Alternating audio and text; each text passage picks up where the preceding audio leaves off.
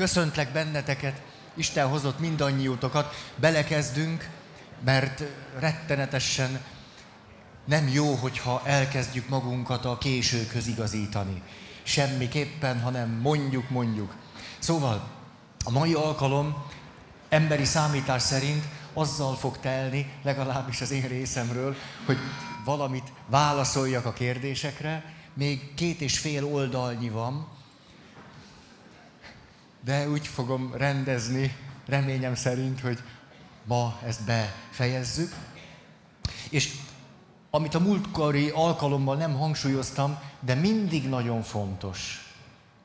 Ez pedig az, hogy egy-egy kérdés nem egyszer derültséget okoz nálunk.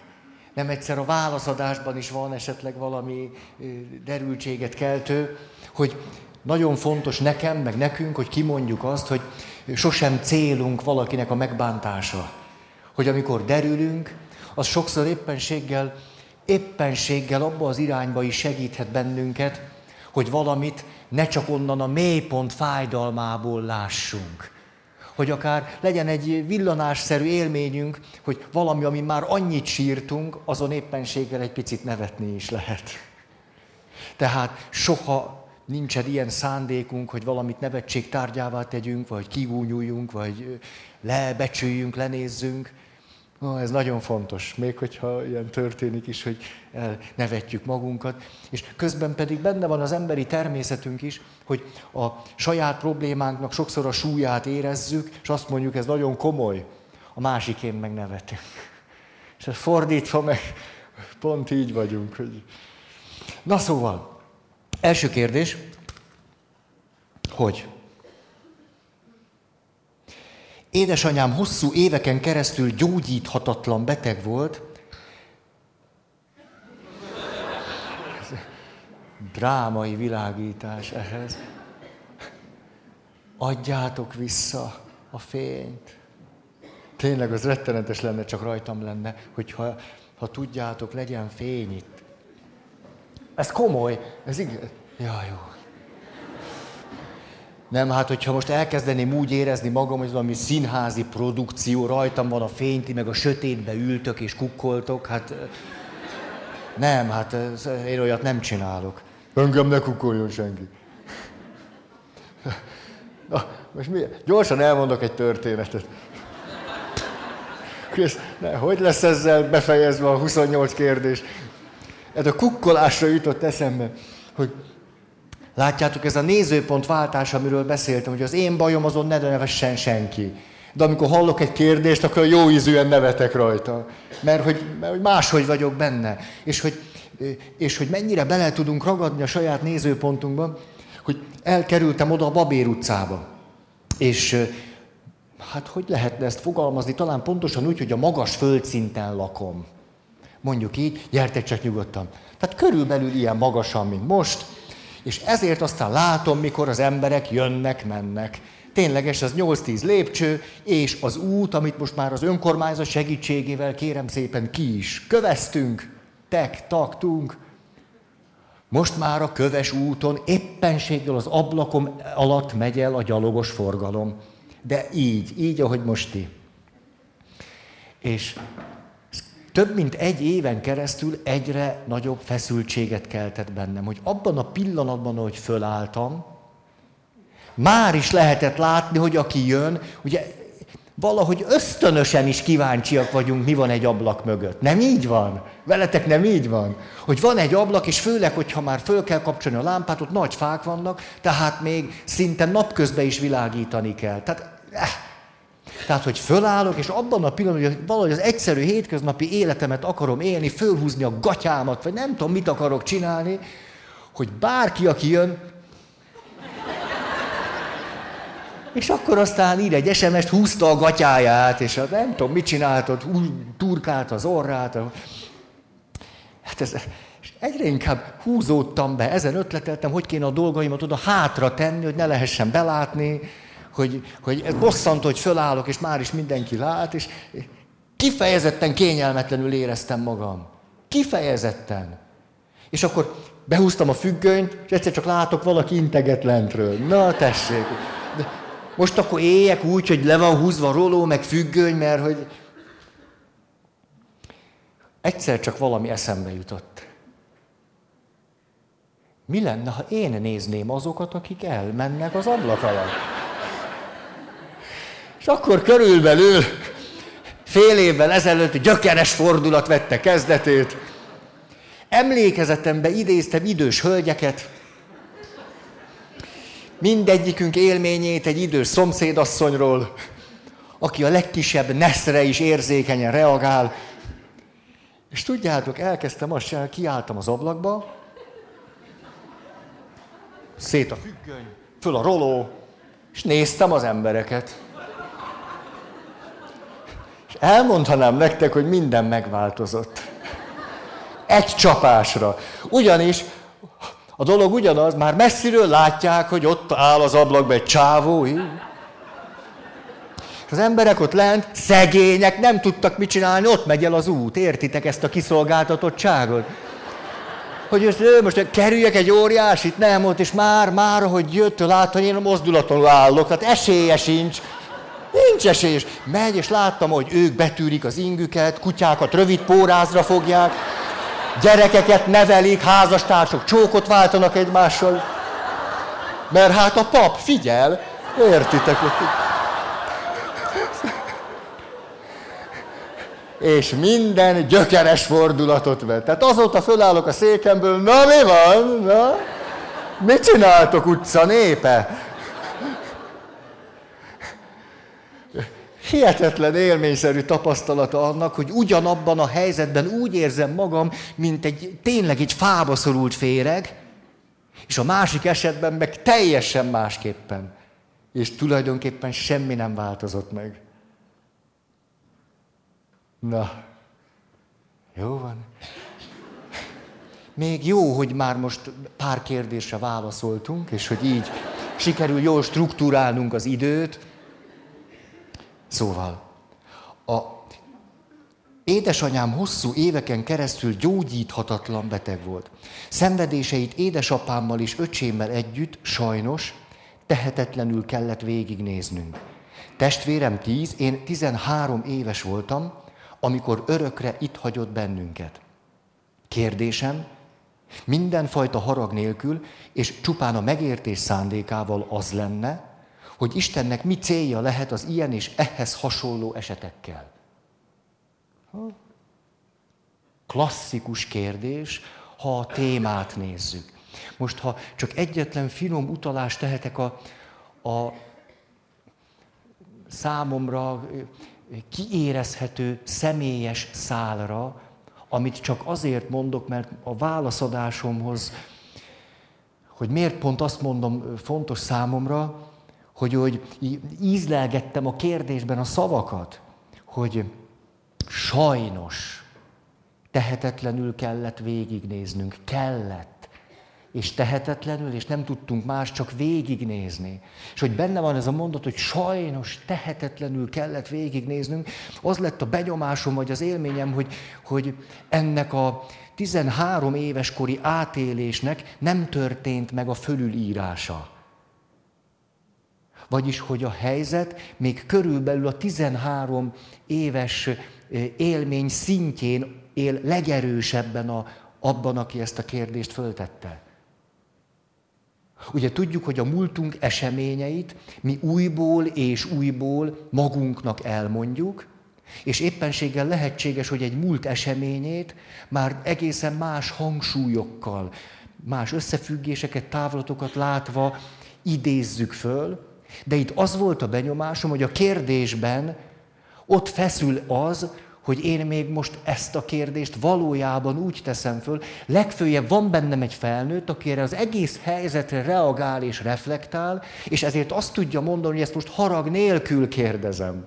Hogy a felnőtt most kérdezi, hogy mit kellene ezzel a 13 éves kislányjal kezdeni, vagy ifjú hölgyel. Ez volt a benyomásom a kérdésről, és aztán a második része, hogy örökre itt hagyott bennünket.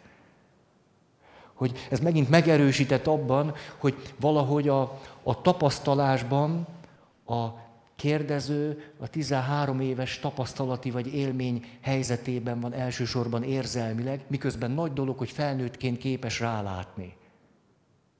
Ez, ez, ez, ez keringett bennem, ez, ez, ez, ez ment, és ezért, ezért több szálon szeretnék válaszolni. Az egyik, hogy szerintem ezekre a kérdésekre, hogy így szólt egészen pontosan, hogy, hogy Istennek mi célja lehet az ilyen és ehhez hasonló esetekkel, az első.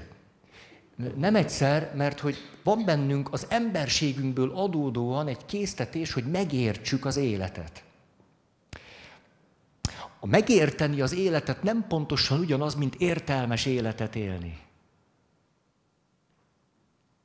Tehát, ha ha picit úgy, úgy tudtunk növekedni, fejlődni, akkor azt tudjuk mondani, hogy attól még értelmes életet tudok élni, hogy valamit nem értek benne. Hogy nem akadályozza meg, nem teszi lehetetlenné az, hogy valamit nem értek, ami velem vagy másokkal történik, hogy értelmes életet éljek. De nem mindenkiben van meg élményszerűen ez a tudás, élményszerűen, ez egy mondat egyébként, de ezért aztán természetesnek tartom, hogy, hogy gyűrjük ezt a kérdést, gyűrjük, gyűrjük, gyűrjük, gyűrjük, és sokszor, ahogyan szenvedünk vele, és nyüglődünk, és néha valami fölcsillan, néha megint sötét van, néha belehullunk az akkori élményvilágunkba, vagy tapasztalatunkba, néha egy picit fölülírjuk, más élmények felől látjuk. Na minden esetre sokszor az az út, ahogyan természetesen birkózunk, valami élményünkkel, az nem egyszer egy számunkra személyes válaszhoz vezet el. Egy számunkra személyes válaszhoz. Most éppen ez a számunkra személyes válasz szokott legritkább esetben kívülről érkezni. Tehát hiába mondok akármit is, az nem a te személyes válaszod azon az úton, hogy te gyűrte, hogy tulajdonképpen ami, ami a tapasztalati szintre számodra valamilyen kielégítő választ jelent, az sokszor nem a megfogalmazott gondolat miatt lehet válasz, hanem mert éppen valami folyamatban benne vagy, és egyszer csak ebben a fájdalmas, szomorú folyamatban te magad valami fényt észlelsz. Tehát, hogy éppen a te folyamatodra van szükség, amit csinálsz, és éppen ebből a folyamatból tűnik föl valami. Ezért azt kívülről nem lehet adni. Legfőjebb olyat lehet, ilyet azért tapasztaltam, hogy, hogy esetleg egy-egy, egy-egy gondolatot fölvetünk, de ez az egy-egy gondolat inkább csak valami kapaszkodót jelent, inkább csak annak a, annak a megerősítő érzését hozza, hogy na, előbb-utóbb van esélyem, hogy valahogy tovább jutok. Most ez nekem nem válasz, vagy nem élem meg, hogy erő lenne benne, vagy élet, de, Ez az egyik. A másik. Az összes ilyen kérdés, hogy miért hagyja ezt Isten, miért engedem, és miért... Rengeteg ilyen kérdés van. A legegyszerűbb válaszom az az, hogy én nem tudom. De nem tudom pálferiként, nem tudom papként, keresztényként, én ezt nem tudom. Tehát nem is akarom megválaszolni. Azért, mert nem tudom. Tehát pláne nem akarok úgy csinálni, mintha tudnám.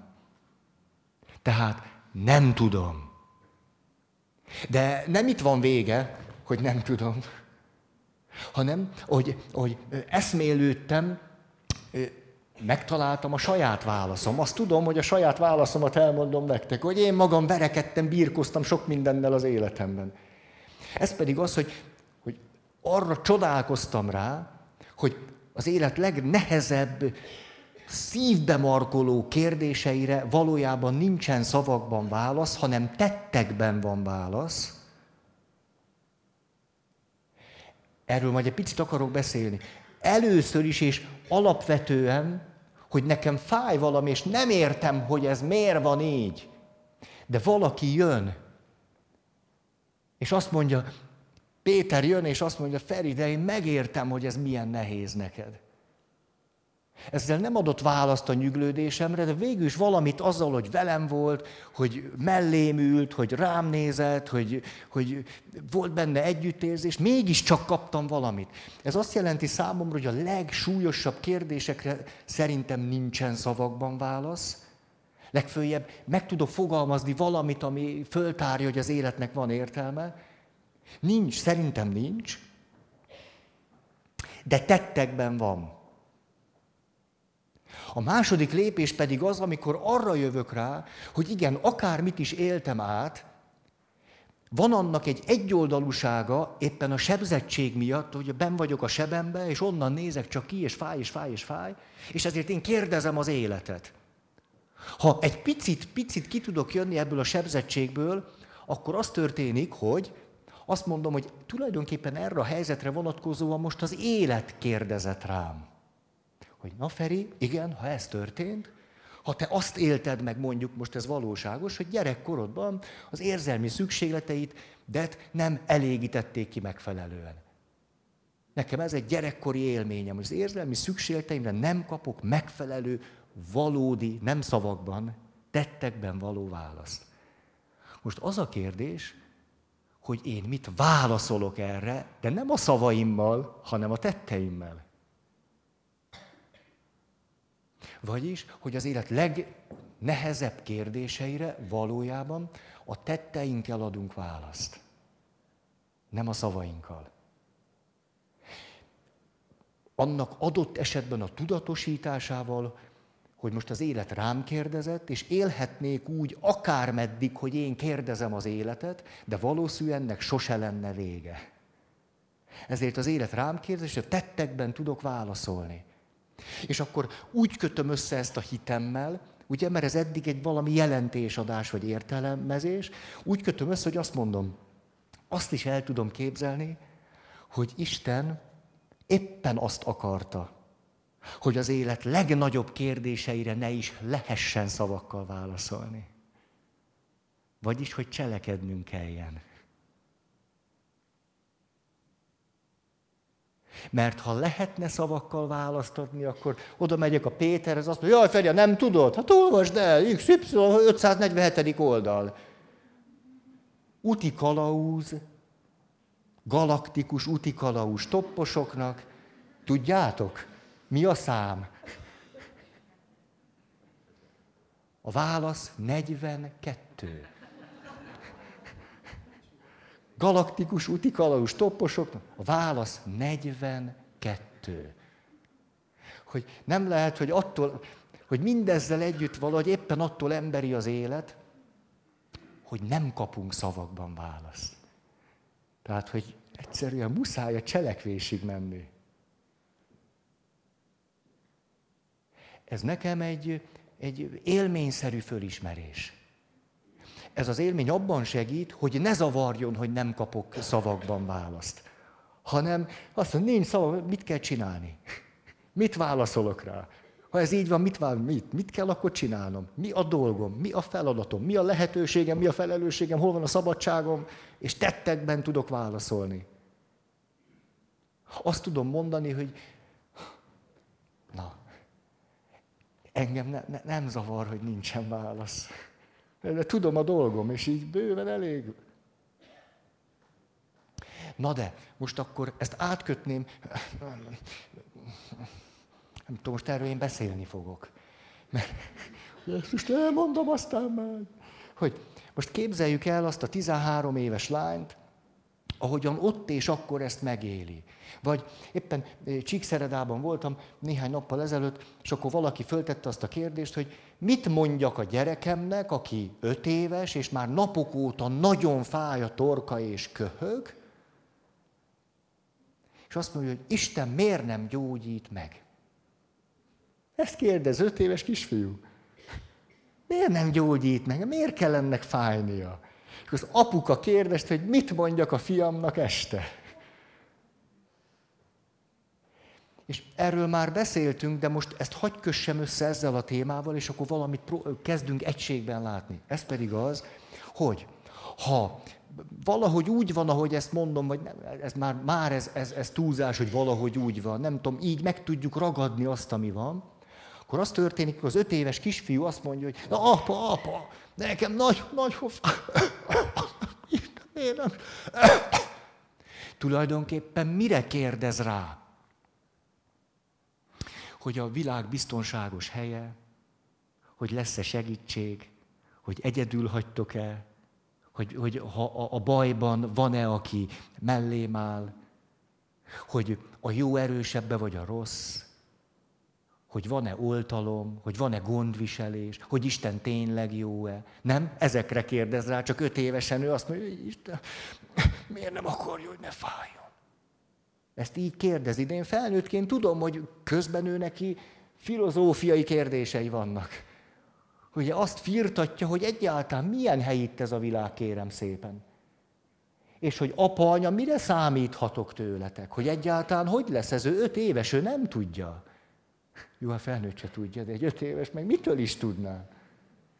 Na most éppen ezért, ha a gyereknek csak filozófiai válaszokat adunk, vagyis egyszerűen csak szövegelünk. Tudod, kisfiam, Isten nem akarja a rosszat, de megengedi. De Isten nagyon szeret minket, mindannyiunkat, mert Isten gondviselő, mennyei atya. Minden szavunk igaz volt, és nem jelent segítséget a gyereknek. Ahogyan, ha én mondom, hogy mit gondol akkor Isten, miért van ez, most én mondtam volna egy két mondatos választ, és ugyanúgy nem jelentene segítséget. Mert a gyerek számára mi a segítség? Ami valódi válasz. A valódi kérdéseire, amelyeket lehet, hogy nem is fogalmaz meg, de én tudom, mert én vagyok a felnőtt.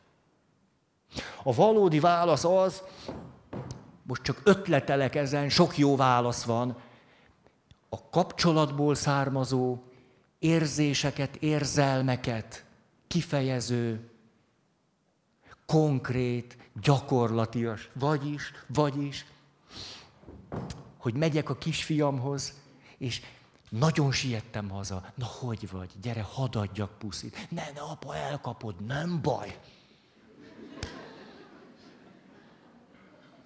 De van valamire szükséged. Gyere, édesem. Szóval meg fogsz gyógyulni. Ugye hát egy köhögésnél tudhatjuk, tehát a gyereket ne csapjuk be. De tényleg így van, hát a tudható. Ezért akkor mondhatjuk, hogy meg fogsz gyógyulni. Egy-két nap, de Petiké, mi itt vagyunk. Ha baj van, szólsz, fölébresztesz minket, fölkelünk, mire van még szükséged? Na, és egy mesét mondjak neked? Ez a válasz arra a kérdésre, hogy Isten miért nem gyógyít meg? Ez a válasz. Mert akkor a szülők tettekben választ adnak a gyerek ki nem mondott kérdéseire, de főképpen arra a világra, ami a ki nem mondott kérdés mögött van. Az pedig az ő teljes ember volt, hogyan bizonytalanul, egyedül, szorongva, aggódva éli meg azt, amiről ő még nem tudja, hogy hát ez majd el fog múlni.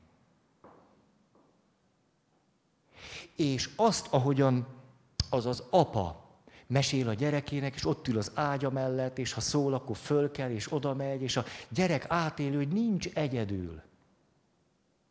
Hogy apa szeret, hogy a világ biztonságos hely, akkor is, ha nem gyógyulok meg gyorsan. Ez a legfontosabb üzenet. És ezt, ha az apa elég ügyes, meg még hisz is, összekötheti akár a szavaiban is Istennel. De a lényeg nem pusztán az, hogy ő azt ki is mondja, hanem hogy megéli. Tehát például, most csak ötletelek, nem ezt kell mondani, csak ötletelek. Például azt mondja az apa, tudod kisfiam, Isten egy-egy dolgot nem konkrétan intézik el a világban, hanem minket küld. Például engem meg anyucit hogy mi tegyünk meg mindent azért, hogy te holnap már jól legyél. Hogy Isten így, így rendezte ezt a dolgot.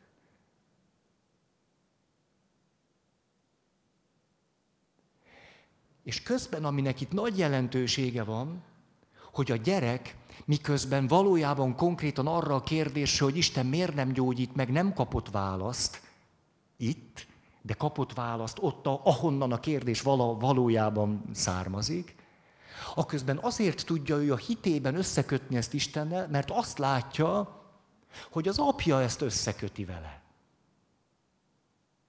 Tehát például az apa akár ilyet is mondhat, tudod, hát hogy pontosan miért nem, ezt én se tudom, de mi itt vagyunk anyáddal. És nekünk Isten ad erőt ahhoz, hogy fölkeljünk. Te éjszaka sírsz, és nem vagy jól.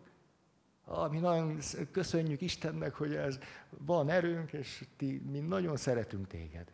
Nem hagyunk téged egyedül. Ha.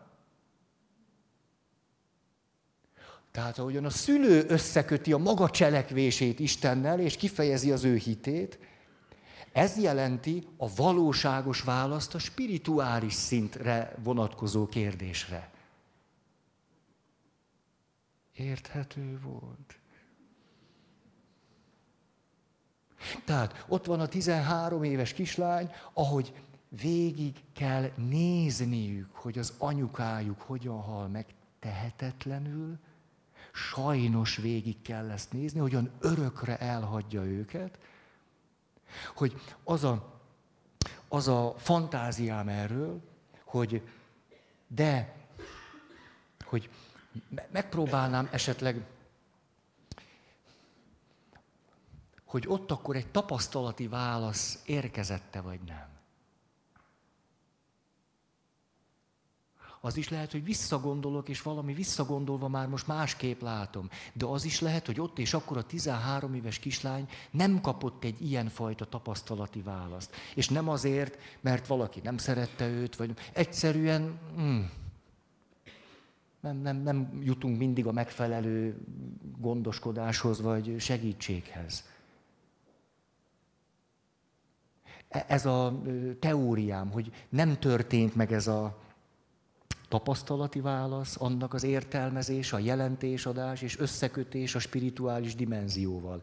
Miközben aki ezt tapasztalatilag csinálja, ő maga azt összeköti a spirituális dimenzióval. Nem a gyereknek mondja, hanem benne az összekötve él. Az szokott történni, hogyha ezt nem kapjuk meg, hm, akkor van ez. Vagy nem eleget kapunk, vagy számunkra az nem meggyőző.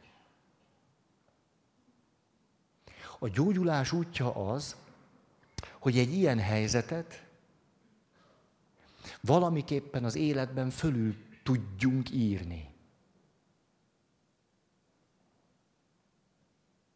Ugye itt aztán ezer ága boga van, hogy azt hogyan. Sokszor az a legszebb, ahogyan valaki elakadta maga tapasztalati világában, és utána a gyereke kerül egy olyan helyzetben, ami valamennyire hasonló ehhez, hogy és én ott a gyerekemnek tudok valami választ adni, amit én nem kaptam. Ha ezt végig tudom vinni.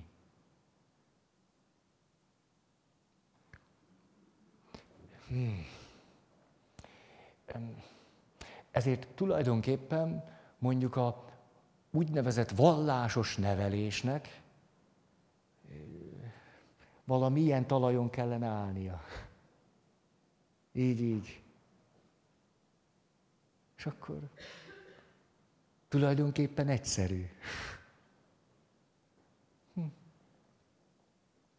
A következő válaszom még, hogy elnézést, ha most ezt nem viszem tovább, hogy még így úgy, amúgy, hát látjátok, mi lesz egy hét múlva.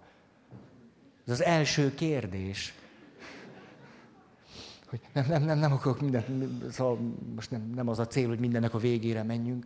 Hogy ezért nagyon gyakran, ugye gyerek, gyerek, öt éves gyerek kérdez, 13 éves kislány kérdez, vagy ifjú hölgy kérdez, akkor a, ugye a kérdés így, így hangzott, hogy Istennek mi a célja ezzel ugye szép, hogy a kérdésben ott van már egy tudatos reflexió, hogy talán célja van vele, és nem csak oka volt, meg hogy, hogy az Istenről alkotott képzeteink, ugye reprezentációnak hívjuk, mert képzetek vannak benne, fantáziák, gondolatok, képek, élmények, emlékek, és csomó minden. Hmm. Azok rétegszerűen őrződnek meg bennünk. Tehát a legősibb képzeteink is sokszor bennünk vannak, és ezért egy ötdiplomás doktoreről, PHD hátul, mindenféle valakinek is egy nehéz helyzetben olyan arhaikus hitképzetei tudnak lenni, hogy mondjuk egy, nem tudom, egy néprajzkutató az összes ujját megnyalná utána. Hogy azt mondja, hogy ezt a legkisebb faluba a legegyszerűbb marinéni sem mondta volna úgy abból. Olyan arhaikus. Tehát minél nehezebb helyzetbe kerülünk, ugye, ahogyan a felnőtt világunk egy picit rendül, ugye regrediálódunk, ugye a nehéz érzelmi helyzetekben egy picit mindig visszalépünk a személyiség fejlődés valami megelőző állapotára, hogy na akkor ott fölelevenednek az ahhoz a személyiség fejlődéshez tartozó Isten képzeteink. Ezek a képzetek pedig sokszor éppenséggel nem gyógyítóak.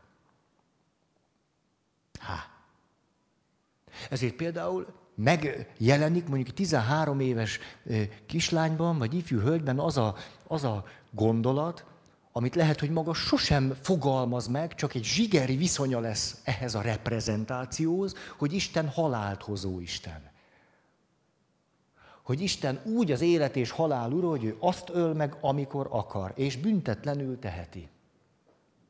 És az egészről nem is szabad beszélni, mert azt mondják a papok, hogy jó. Durva. Tehát eh, akkor nem is lehet már most hova segítséghez fordulni. Ugye, akkor egész ijesztő, tehát erről hallgatni lehet, ez akkor egy titok, vagy tabu, a felnőttek ezt mondják, de ezzel csak magamra tudok maradni. Egy ilyen képzet 13 évesen vagy 5 évesen minden probléma nélkül kialakul.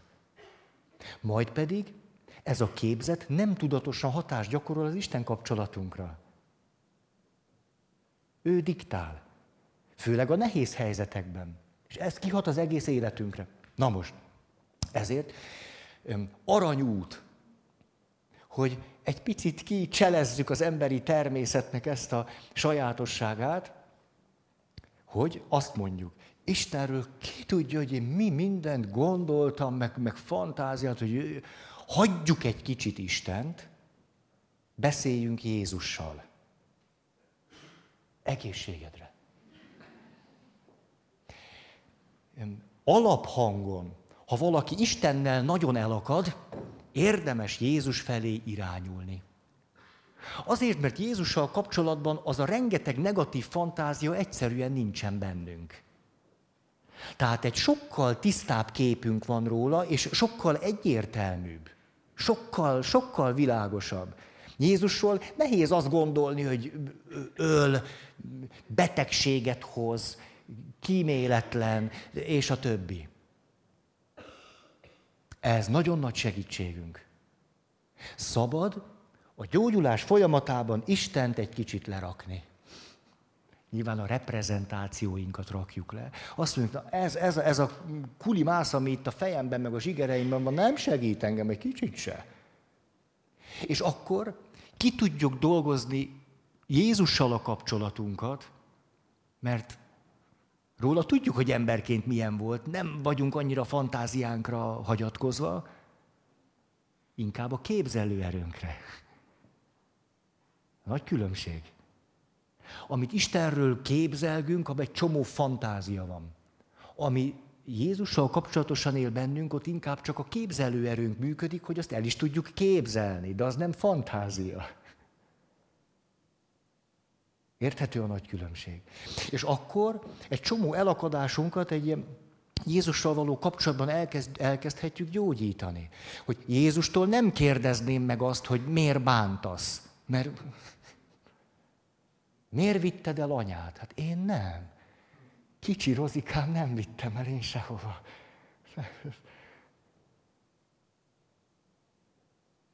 És akkor itt van egy aranyszálunk, amin keresztül ki tud alakulni mégiscsak nagyon határozottan a spiritualitás világával egy másfajta viszonyulásunk, és ez a másfajta viszonyulás átvihető az Isten kapcsolatunkra. Nyilván ezzel nem azt mondtam, hogy Jézus nem Isten. Ugye ez érthető? Hanem, hogy akkor lesz egy más viszonyulásunk, és azt mondjuk, hogy hú, hú, hát ennek tükrében micsoda másokat gondolok, meg érzek, meg Istenről. Hogy Isten, ha ember lesz, akkor pont olyan, mint Jézus. Ezért gyógyító lehet a vele való kapcsolatból kiindulva visszatérni aztán, és egy másfajta istenképet kidolgozni. De ha az nem tapasztalati, csak teoretikus, sehova, sehova se jutunk, mert a feszültség megmarad. Tehát nem egy teoretikus Jézus kapcsolatra van szükségünk, hanem egy... Hmm. Én nem tudom, azt hiszem, hogy nem akarok erről többet beszélni.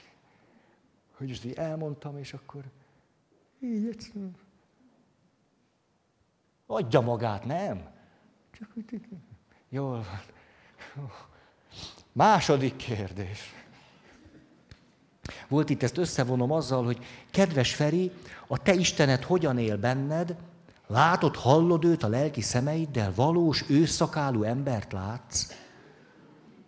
Ugye ezért is fejezet cím, Isten képét hiába ne fest. Hát a, tulajdonképpen, tulajdonképpen a keleti hagyomány, már a még keleti, a muszlim hagyomány, hogy Istent tilos ábrázolni, nagyon okos dolog. Nagyon bölcs dolog. A legjobban azzal járnánk, hogyha a templomainkban nem erőltetnénk a mennyei atya ábrázolását. Hogy most finoman fogalmazzam ezt meg. Azért, mert minden, amit ábrázolunk rajta, nem egyszer inkább akadály, mint segítség. Nem kéne a mennyei atyát ábrázolni, hanem inkább fogadjuk el, hogy titok, hogy ábrázolhatatlan. Ezért lehetne Jézust ábrázolni. Hát tesszük is. Mert őt meg lehetne.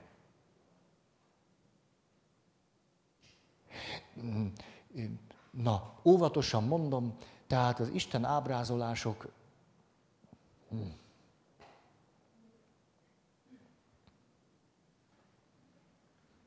Ha valakinek segítettek, hurrá! Azt mondja, hogy valamiféle energiaforrást észlelsz, fényességet, melegséget, puhaságot. Ez tudás inkább, vagy hit, érzékszervi tapasztalat, és milyen, amikor válaszol, hallod a hangját, szimbólumokban üzen, apró jeleket küld. Vagy ez már túl sok és személyes? Hát minden esetre nagyon örülnék a válasznak. Most erre már nem akarok hosszan válaszolni. Annyiszor beszéltem a Természetes Spiritualitás című könyv erről szól az elejétől a végéig. Mert már egyszer már megírom, hogy ne kelljen annyit mondani.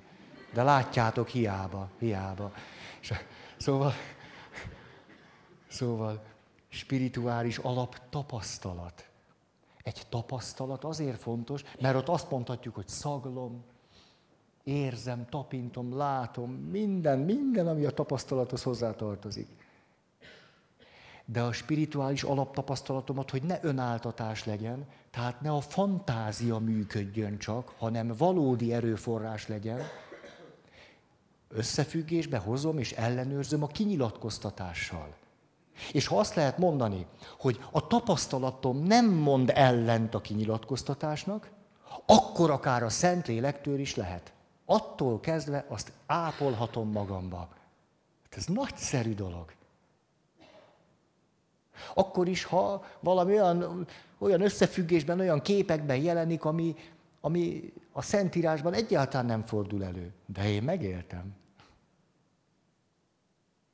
Óriási kincs. Erről szoktam mondani a történetet, el nem mondom, a kávészagú arab taxisofőr Istenről. Hogy valaki egy mély élményében Istent úgy élte meg, mint egy kávészagú arab taxisofőrt.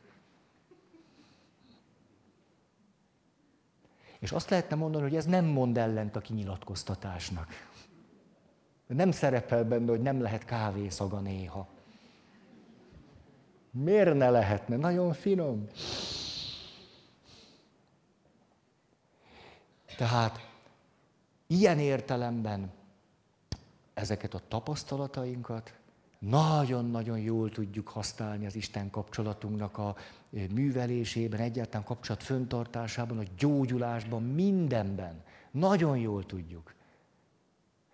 Ha csak a fejemben valamit megtanultam, nincs elég élet és erő benne.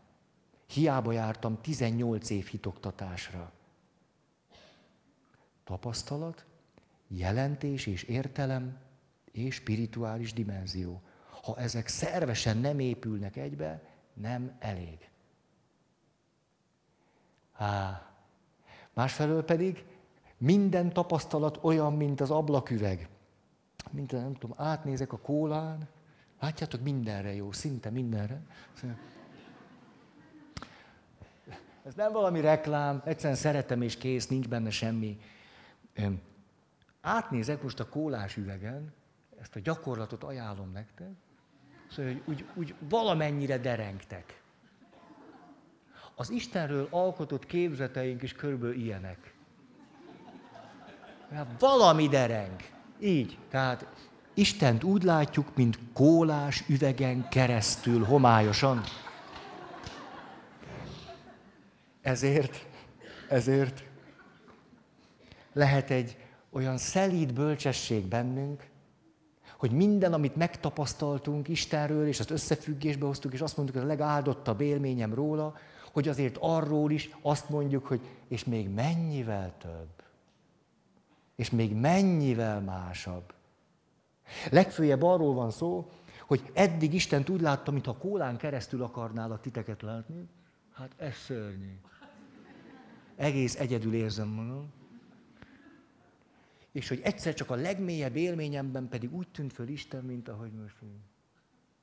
Hát ez, ez már valami. De hát hol van ez még az igazitól? De ez már valami. Kipróbálod? Nézd meg, a, nézd engem a kólás üvegen keresztül.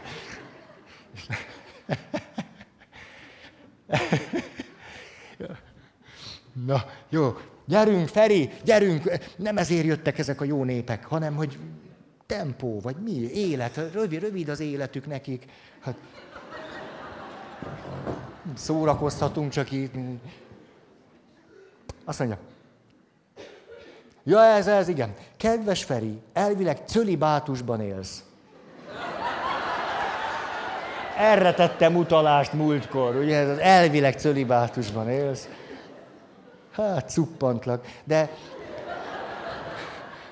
a kérdés aztán olyan szépen ágazik, bogazik, ível ide-oda, azt mondja, mégis olyan érzelmi átéléssel beszél szerelemről, szexualitásról, apaságról, mely felveti a kérdést. Édeske, milyen udvarjas vagy, azt mondja. Hogy te? Na de nagy tével, értitek? Meg vagyok becsülve. Hogyan vagy képes ezen örömökről lemondani? Azt értem, hogy te egy más önmegvalósító utat választottál tudatosan, de azért érdekelne, hogyan élsz meg egy tartósan jelenlévő kísértést.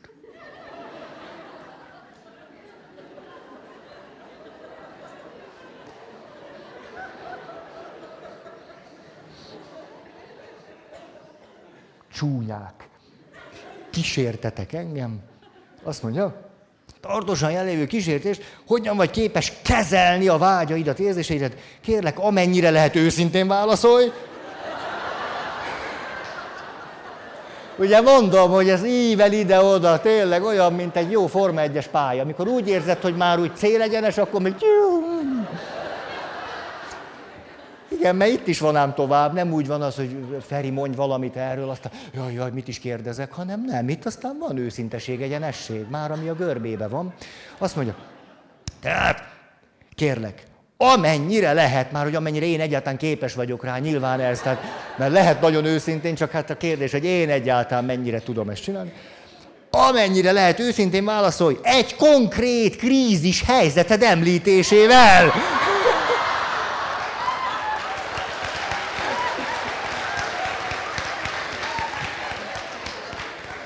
Még nincs vége.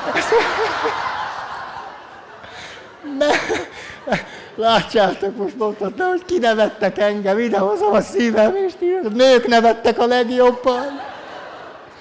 Hanem még így folytatódik. Tehát egy konkrét krízis helyzeted említésével, mely tanulságos lehet mindannyiunk számára. Hogy hát, Feri, add az véred, husod, mindened. Hogy mi? Nem tudom. És irányuljon az üdvösségre a válaszadás. Mindenképp, tehát a spirituális dimenzióval kössem össze föltétlen. Na, jaj, hát most erre kéne válaszolnom, vagy ez mi, mi már? Tehát, igen, a leginkább ezen a kísértés szón derültem, hogy nem, nem él bennem ez kísértésként. Nem, nem, nem, nem, nem, nem, nem, sajnálom.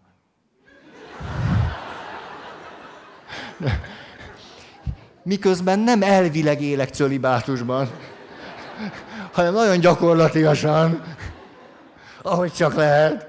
De, szóval, na, a, valami mondok, akkor néhány gondolatot erről, nagyon egy krízis helyzetre fölemlítve.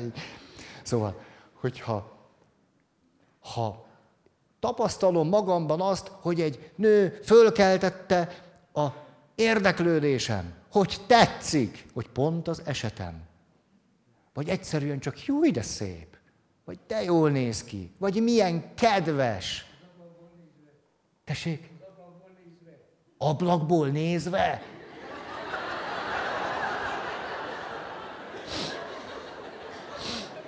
Akkor kinyitom az ablakot, hogy jobban lássam. Szóval, szóval, szóval.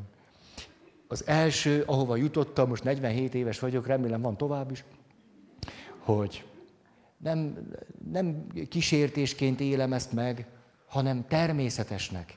Tehát először is nem rakok rá egy bélyeget, amitől még rosszabbul leszek, hogy arra gondolok, hogy hanem, hogy Feri, te milyen normális vagy. Jó, nagyon egészséges, milyen, hogy vannak nagyszerű nők, kedvesek is, aranyosak is, még szépek is. Hát mit, hát mit kérnél még a világtól? Hát ez csodás dolog, hogy így van. Iszom is rá. Hmm. Tehát nem moralizálok magam fölött, nem ítélkezek, nem minősítem ezt. Azt mondom, hogy milyen természetes, normális, még jó, hogy ez van bennem. Különben hogy tudnék szenvedéllyel beszélni? Ez az első. A második, éppenséggel, ha, ha úgy nagyon hat rám, azt mondom, ki? Akkor, na, mire vágynál? Nem kezdek én ezen különösen fantáziálni, csak megengedem magamnak az igen, hát akár arra, hogy de miért megölelni, vagy megcsókolni, jó, és akkor végigviszem a, a, a sort, hogy jó, és a, azt, azt miért, és azt miért, és azt miért. És végül mindig eljutok oda, mindig eljutok, hogy hát egyszerűen csak azért, hogy szeretni valakit, és hogy én szeressek valakit, hogy megélhessem, hogy milyen szép az élet, hogy tartozzak valahova. És amikor mindez megvan, megkérdezem, és ez most megvan neked? Megvan. És a válaszom, hogy megvan. Hát amiért az egy olyan csodás dolog lenne, amiért, hogyha végigviszem, az nekem megvan.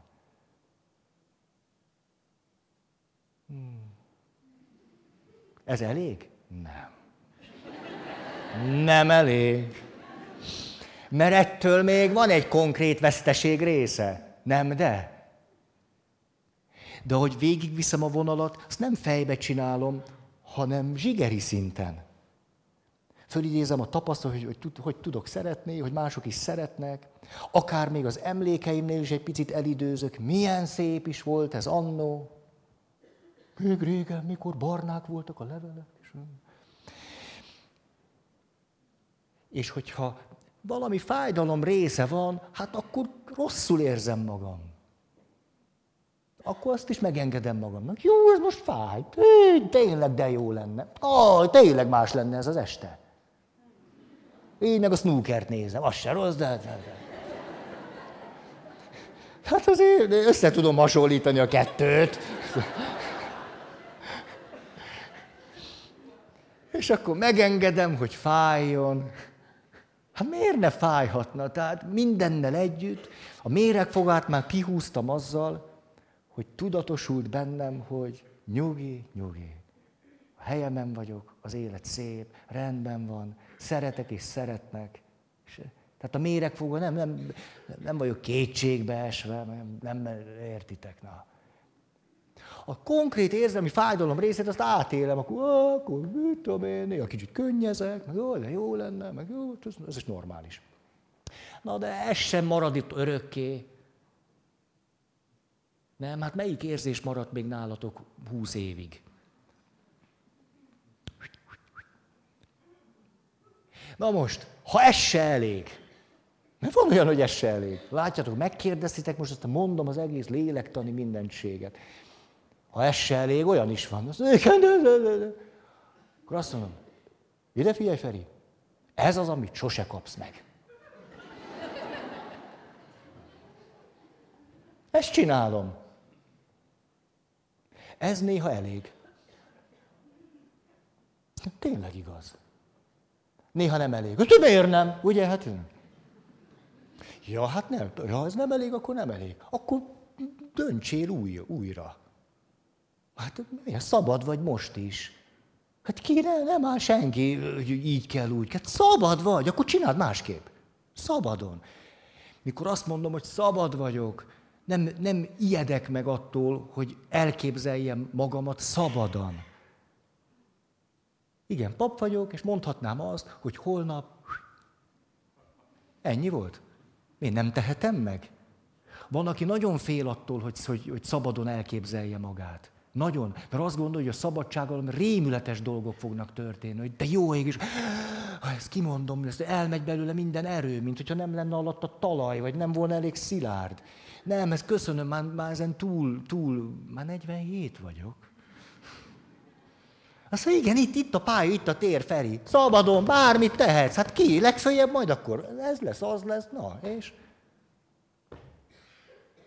És végül, akkor megint ugyanoda jutok, hogy igen, dönthetnék úgy, de tulajdonképpen én nem akarok úgy dönteni. Akkor az egész világot kiterjesztem, hogy ez a, ez a kérdés nem csak abban áll, hogy mi van ma este, hanem hát akkor lesz egy szép nő, és akkor, jó, akkor az együtt fogsz élni, akkor együtt kell élni. Az nem úgy van, hogy csak szép este van, máma. Hát akkor nézzük azt távlatosan. Nem? Hát még csak 47 vagyok. Még... Hát annak akkor következményei vannak. Kértétek az arhetipusokat megmutatni, majd most mindjárt meg is mutatom. Ugye ki a szerelmes? A szerelmes az, hogy a szerelmes arhetipusa, aki bátran átlépi a határokat. Az a szerelmes. Bennem van jócskám.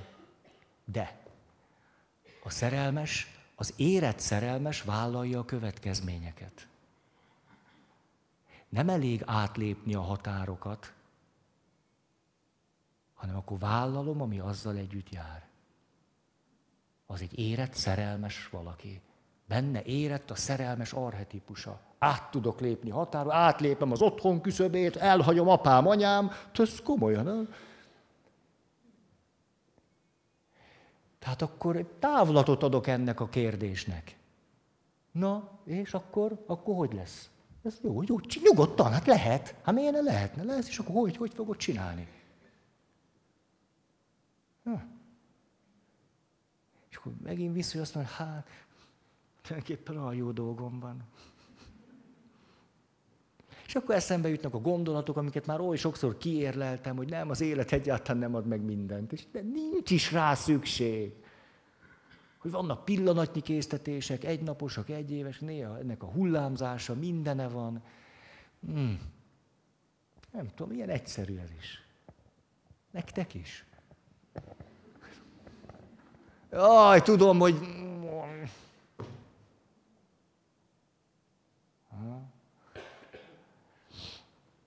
Szóval így. Na jó. Jól van, gyerünk. Hú, ez... Na nem már. Nem már. Most, most megzavart ez a kérdés, most nem tudok, csak minden negyedik emberre merek nézni. Azt kéne, jövő héttől a férfiak üljenek előre, és akkor ez mindig ad nekem egy biztonságérzetet, mindig csak rá. Jó, de nehéz. Azt mondja. Na, gyerünk, hol vagyunk? Szüleinktől, ha nem kapjuk meg az elismerést, az meghatározhatja életünket, a mindennapjainkat. Az is meghatározza életünket, ha fölismerjük, hogy testvérünket jobban szerették. A szüleinknek így ugye sosem fogunk megfelelni, azzal a tudattal, érzéssel alakul ki a személyiségünk. Ezt hogyan lehet pozitívan fölfogni? Milyen trükkök vannak, amitől jobban érezhetném magam?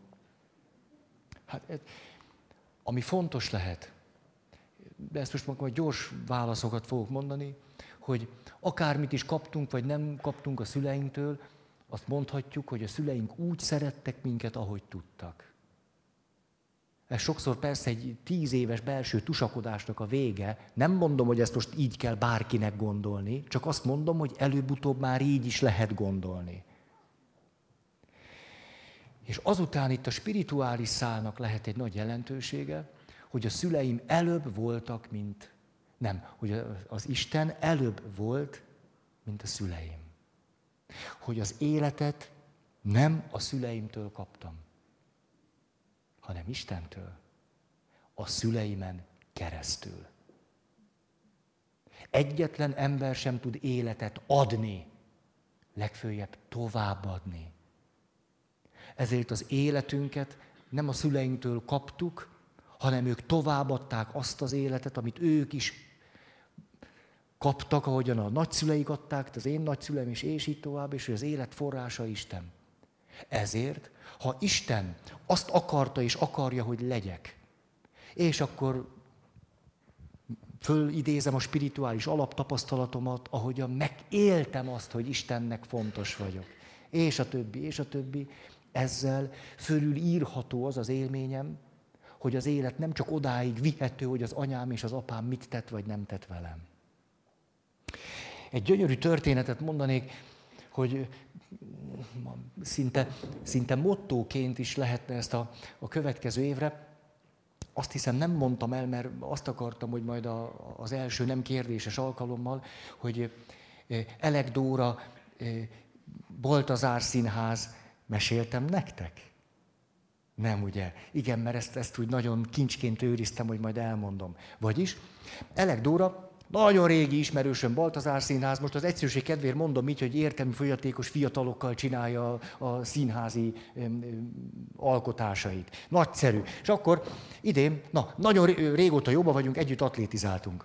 És akkor nála vacsoráztam az egyik nap, és akkor mondtunk történeteket egymásnak a világunkból. Ugye engem is nagyon érdekel. Na jó. Azt mondja, képzett felé, elmentünk Miskolcra, büntetés végrehajtási intézet. Akkor értelmi fogyatékos fiatalok előadtak egy színdarabot, ott pedig ültek, elnézés, most ez... Majd kiveszünk titeket ebből a képből. Itt pedig ültek a fogvatartottak. És nézték az előadást, és vége lett az előadásnak, hát az tik, tik, tik, azért szívenütő az. Meghajlás, taps, jön a mikrofon, de ez egy kivételes helyzet. Hát ne, nem mindig tudunk így egy az egybe találkozni egymással, se ti ővelük, se ő ti veletek, hogy teremtsünk most lehetőséget arra, hogy lehet egymástól kérdezni. Bármit. Hát ilyen, ilyen helyzet valószínűleg még egyik őtök életében sem volt. És akkor jelentkezik az egyik fogvatartott, azt mondja, hát én akkor azt szeretném kérdezni, hogy ilyen nyomorultú születéstől kezdve hogy lehet élni? Tiszta, egyszerű kérdés, ebben már erre lehet válaszolni valamit. Megkapja a mikrofont egy 21 éves fiatal lány, azt mondja, a mi esetünkben az önsajnálatnak nincs létjogosultsága.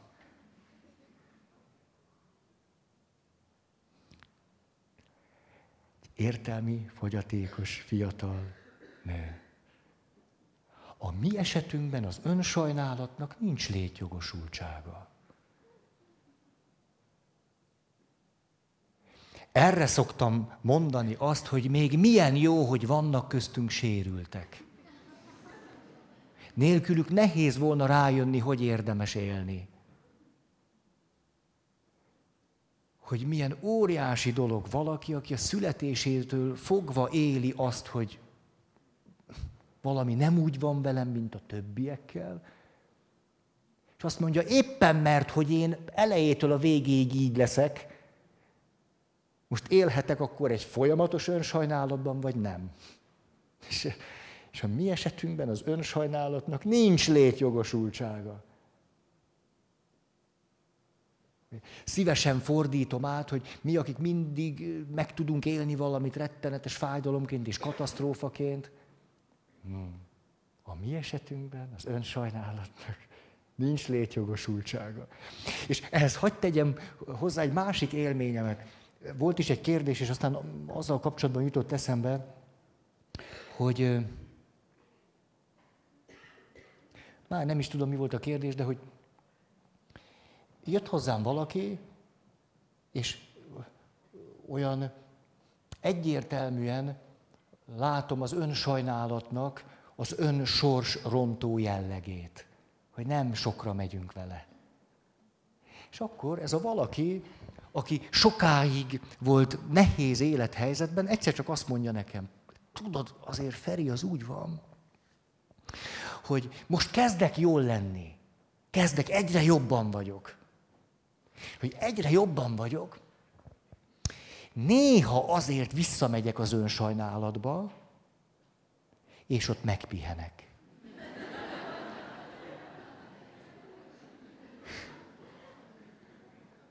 Ez micsoda zseniális, önismereti.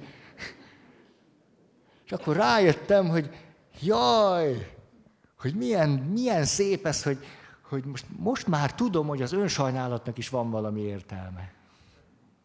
Hogy meg lehet benne pihenni. De éppen valaki, aki ezt ipari módon űzte, tényleg így csináltad, ipari módon, évtized számra, Hát ha valakit érdemes megkérdezni arról, hogy na mi értelme az önsajnálatnak, akkor ő az, és ő azt mondja nekünk, hogy arra jó, hogy egy kicsit megpihenjünk. Nem arra, hogy ott éljünk. Akkor visszajön kicsit, megpihenünk, szusszanunk, kicsit, jaj, nekem a legrosszabb, és akkor innen megint tovább lehet indulni. A legtöbbet azoktól tanulom, akik segítségért jönnek hozzám. Ez alap. Minden segítő úgy tűnik előbb-utóbb valóva ide eljut. Legtöbbet azoktól tanulom, akik azt gondolják, hogy majd én segítek. Hm. Ezt hagyjuk is. Ez a nehéz, nem a cölibátus.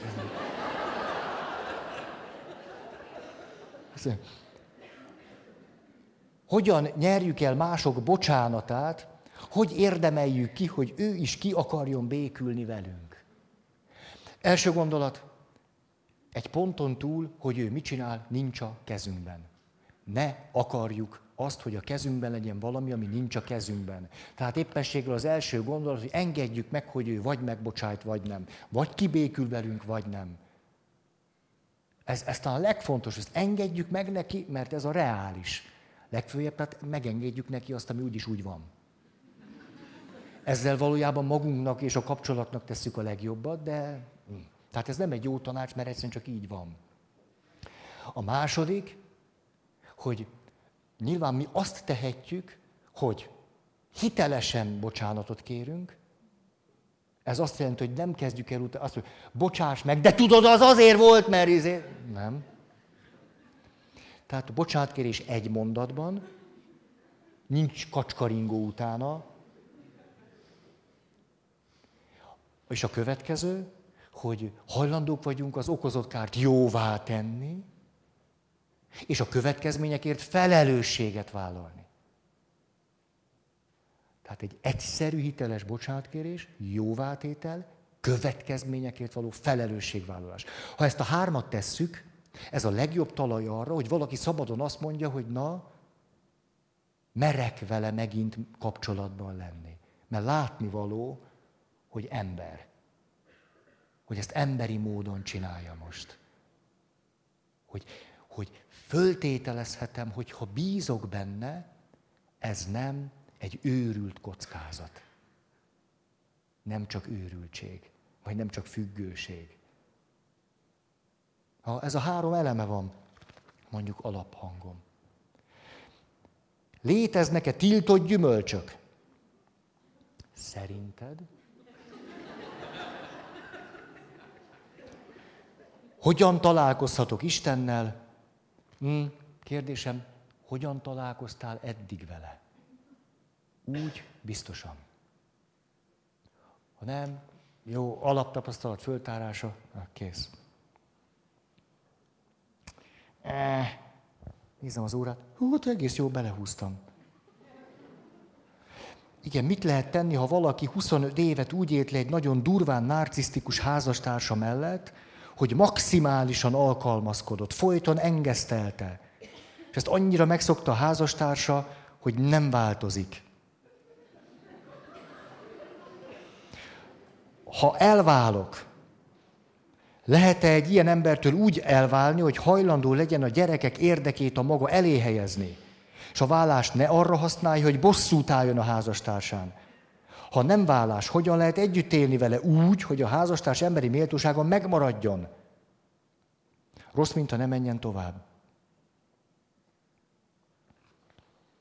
Hát ezt vagy lehet vele, vagy nem. Ez, ez a rendes válasz. Ha, ha nagyon sérült, akkor, akkor azok a rövid távú előnyök, hogy bosszút áll, hogy téged hibáztat, hogy te leszel a bűnbak, nem fog tudni ezekről lemondani. Ha kevésbé sérült, akkor van esély, mert akkor fáj neki az a veszteség, hogy nem leszel a felesége. Tehát, ha a veszteség érzet eljut, eljut mélyen, akkor azt mondja, hát, ezt nem akarom elveszteni, mert ez fontos. Vagy te fontos vagy, vagy házasság fontos, ezt nem akarom, ezért na, vala, vala, valamit teszek. Ha nem a veszteség érzet a fontos, mert annyira, annyira csak ő van, emlékeztek, ki él sötétségben, aki csak saját magát látja. Ha csak saját magát látja, akkor nincsen veszteség. Akkor olyan magatartásformákat is választhat, hogy egyszerűen csak sigerileg, ami nekem valami pillanatnyi, akármilyen élvezetet ad. A másik részéről már meg beszéltünk, hogy az emberi méltóságot úgy tudjuk legjobban kifejezni, hogy mi a saját méltóságunkat kifejezzük. Hogy ezt tudjuk, és akkor határaink van. Ezt, ezt nem teheted meg velem. Sokszor egyébként a fordulat kulcsa ezekben a helyzetekben az, hogy én végre már most kifejezem, hogy ezt nem. És ez a határozottság, hogy azt mondom, hogy a tegnapi nap volt az utolsó ez a határozottság lehet, hogy az egyetlen erő, amitől a másik ember azt mondja, hogy most már tényleg nekem is kell valamit csinálni. Hát ameddig mindig te csinálsz valamit,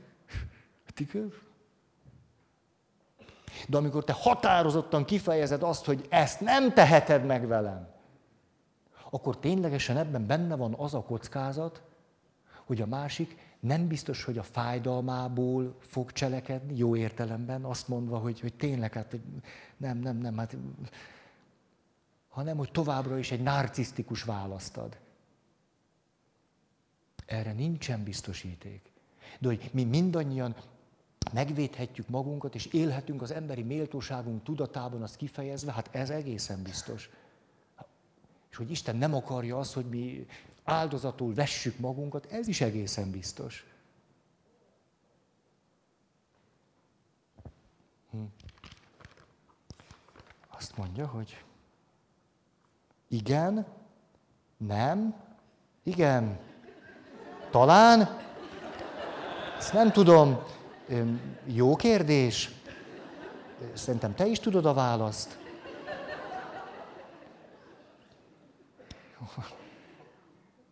Hát idáig jutottunk. Szerintem befejeztem most, hogy gyorsan át, átnéztem.